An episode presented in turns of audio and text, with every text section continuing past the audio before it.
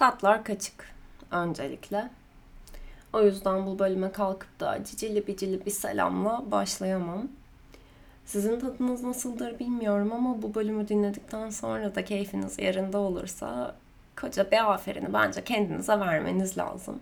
Hatta belki de bir ödül dondurması, ödül yemeği, bir, bir şeyi kendinize ısmarlamalısınız. Baştan uyarımı geçeyim. Bu bölüm bir kamu spotu niteliğinde. Ben küçükken çok fazla kesin ve keskin doğrularım vardı. Ve büyük büyük cümleler kurmaya bayılıyordum. Hemen her çocuk gibi. Bu bölümde aslında büyük konuşmayacağım bu hayatta yavrum. Klişesinin kamu spotu versiyonu. Hazır ve istekliyseniz geçmişteki Melisa'nın ben asla şu olmam, ben asla bu olmam deyip deyip şu an günümüzde bunları bir bir yaşayışına bir bakalım.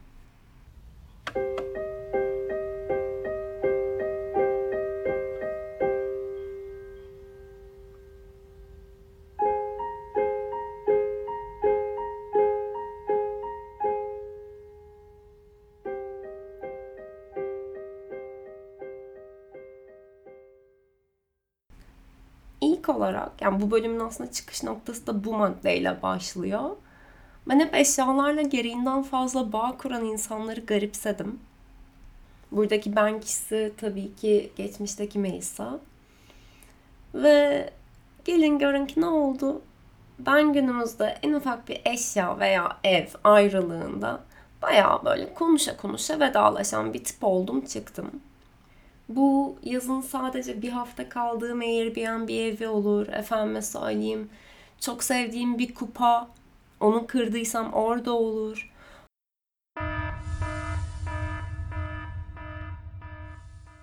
Hoşça kal sana güzel kupa, hoşça kal sana güzel Geçtiğimiz günlerde bayağı bu yazın son tatilini yaptığımı düşünüp bir tur Datça'yla da vedalaştık. Hoşça kal sana güzel Datça, hoşça kal sana. Müzikal şovumdan sonra ikinci maddemize geçecek olursak bir şekilde nasıl olacağını bilmiyorum ama bir şekilde kendimi kurumsal hayatın içinde bulmayacağıma dair inancım tamdı. Ve her nasıl olduysa ben kendimi gün sonunda kurumsal kölesi olarak buldum ve gün geçtikçe de yılmadan bu yolda emin adımlarla devam ediyorum. Acil durumlarda camı kırınız. 3. Bir zamanlar güzel, eski zamanlar. Hatta bir saniye, bir saniye, bir saniye. Evvel zaman içinde, kalbur zaman içinde, bir zamanlar İstanbul'un semtlerinden birinde mutluluğun formülünü bulduğuna inanan saf mı saf bir kız yaşarmış. Kendini bayağı mutlu, kafası rahat, kolay kolay kafayı bir şeye takmayan bir insan olduğuna inandırmış. Bunun zıttının olmasının imkansızlığı düşüncesiyle günlerine devam ediyormuş. Ta ki peri masalından uyanana kadar. Ciddi ciddi ben pek bir şey kafaya takmam ya insanı uzun seneler bendim. Ve aslında bu kişi olmadığım, şahsi kullanımlarımıza da açtığımız gezegenimizde bu kişinin kimse olamayacağı fikriyle laks diye bir gün içerisinde yüzleştim. Ondan sonrası da zaten tahmin ettiğiniz gibi yokuş aşağı. 4. Bu biraz hüzünlü. Daha önceki bölümlerimizde de konuşmuştuk diye hatırlıyorum. Annem beni küçükken dünyanın en güzel kızı diye sevdiği için ve ben de bunu maalesef yiyecek kadar salak olduğum için dünyanın geri kalan enlerine de sahip olduğumu düşünüyordum. Bir de annem benim bir mucize olduğuma dair çeşitli rivayetler anlatmayı çok sever. Küçükken ampul yemişim, hiçbir şey olmamış. Bu her zaman abartı gelmeye devam edecek bir hikaye. Ee, işte onların birey yani annemlerin bireysel yaşantılarına da çok şanslı gelmişim. Ben doğduktan sonra da belli başlı şeyleri yoluna girmeye başlamış vesaire vesaire. Hep bu hikayelerle büyütülünce tahmin edersiniz ki ben dünyanın en şanslı kızı olduğuma da hemencecik inanıverdim. Ve yani hayatta asla şanssız bir dönemimin olacağını düşünmüyordum. Şimdi ise o dehşet şansa sahip olmadığımı tabii ki biliyorum. Ee, geçenlerde bir tane dövmecim yani son dövmemi yaptırdığım kişi ben çok şanslı biriyim ya dedi ve no context bir an kesinlikle.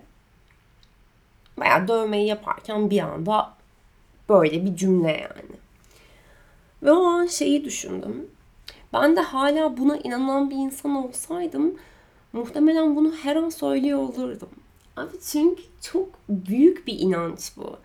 Hayatta çoğu insandan çok daha şanslı olduğuna inanıyorsun ve bunun sana özgüven sağlamamasının imkanı yok. Düşünsene bir, bir boklar yiyorsun. Ya bu arada ben çok şanslıyım deyip bu özgüvenle işin içinden çıkacağına çok eminsin. Sonra bir de üstüne o işin içinden çıkarsan ballı lokma tatlısı aman hadi hayırlısı. Yonca Evcimik Fan Club. Bunun benzer bir yerden getirisi olarak nedense hiç maddi olarak zorlanacak biri olduğumu düşünmedim olacağımı. Küçükken özellikle yani. Okey dünyanın en zengin insanı olacağımı da düşünmüyordum. Hayret bir bunu düşünmemişim belli ki. Ama orta alta yakın bir yerde konumlanacağımı nedense düşünmüyordum. Ee, günümüze bakınca diyeceğim ama okey tamam Türkiye, Türkiye, Türkiye. Teşekkürler. Altıncı maddemize geçtik muhtemelen. Küçükken bir profil hatırlıyorum. Çizdiğim bir profil. Ve nedense bu profil çok güçlü bir profildi. Büyüdüğümde ben çok güçlü izlenimleri yaratan bir insana dönüşecekmişim gibi bir inanç vardı içimde. Ama bu güçlülük dediğim profil tamamen duygusuzluk üzerine kurulu. Çünkü bence burada zaten bir sıkıntı var. Güçlü profili hep duygusuzluk üzerinden çiziliyor. Tabii ki her günü bir diğeri kadar duygusal yaşamıyorum şu anda. Ama çoğu konuda bir pembiş götlüyüm. Yani bunu başka bölümlerde de söylüyorum. Ve bu okey şu an için bende işliyor. Şu an mesela kedimizin bir rahatsızlığı var ve ben herhalde hemen her veterinere gidişimizde bir tur yağ alıyorum ya da en iyi ihtimalle gözlerim dolu dolu ayrılıyorum oradan. Ama çocukken kafamda kurduğum güçlü ideal Melissa profilinde ben o veteriner günlerinden sorumluluklarını bilincinde, gözleri dolmadan başı dik bir Melissa hayal ederdim. Bu konuda şu anki Melisa'dan çok da farklı bir beklentim yok bu arada. Çünkü Melisa'nın insan olduğunu biliyorum. Ve bence olay da burada kopuyor zaten. Her birimiz küçükken kendimizi ideal bir hayatın bizi beklediğine inandırıyoruz. Çünkü ne kadar küçük olursak olalım, dünyaya bir kere geldiğimiz gerçekliğiyle burada vakit geçirmeye başlıyoruz.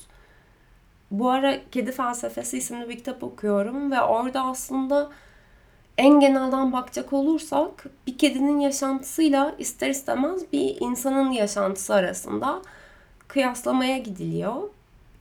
Ve kediler gerçekten de günlerini full uyuyarak geçirebilirler. Bu onlar için herhangi bir sorun teşkil etmez. Ama biz insanlara dönecek olursak sürekli yok olacağımız bilinciyle hayatımızı sürdürüyoruz ve çocuk da olsak bu bilgi bizde var. Bu böyle yani. Burada direkt kitaptan bir kısmı size okumak istiyorum. Bir tık daha anlaşılabilir olması için.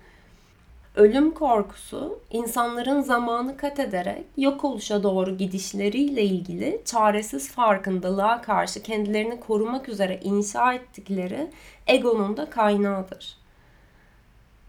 Şimdi içimizde böyle bir ego varken tabii ki gelecekteki personellerimizden beklenti ve umut halinde oluyoruz. Genelde bok gibi bir süreçten geçerken hep gelecekteki bizim mutlu olduğumuz dönemini hayal edip o içinde bulunduğumuz günlerin de geçeceğine inanıyoruz. Ben net bir şekilde böyle yapıyorum en azından. Daha iyi bir çözümü olan varsa lütfen aydınlatsın. Ama bir kedinin hayatını düşününce yine okuduğum kitaptan örnek vereceğim.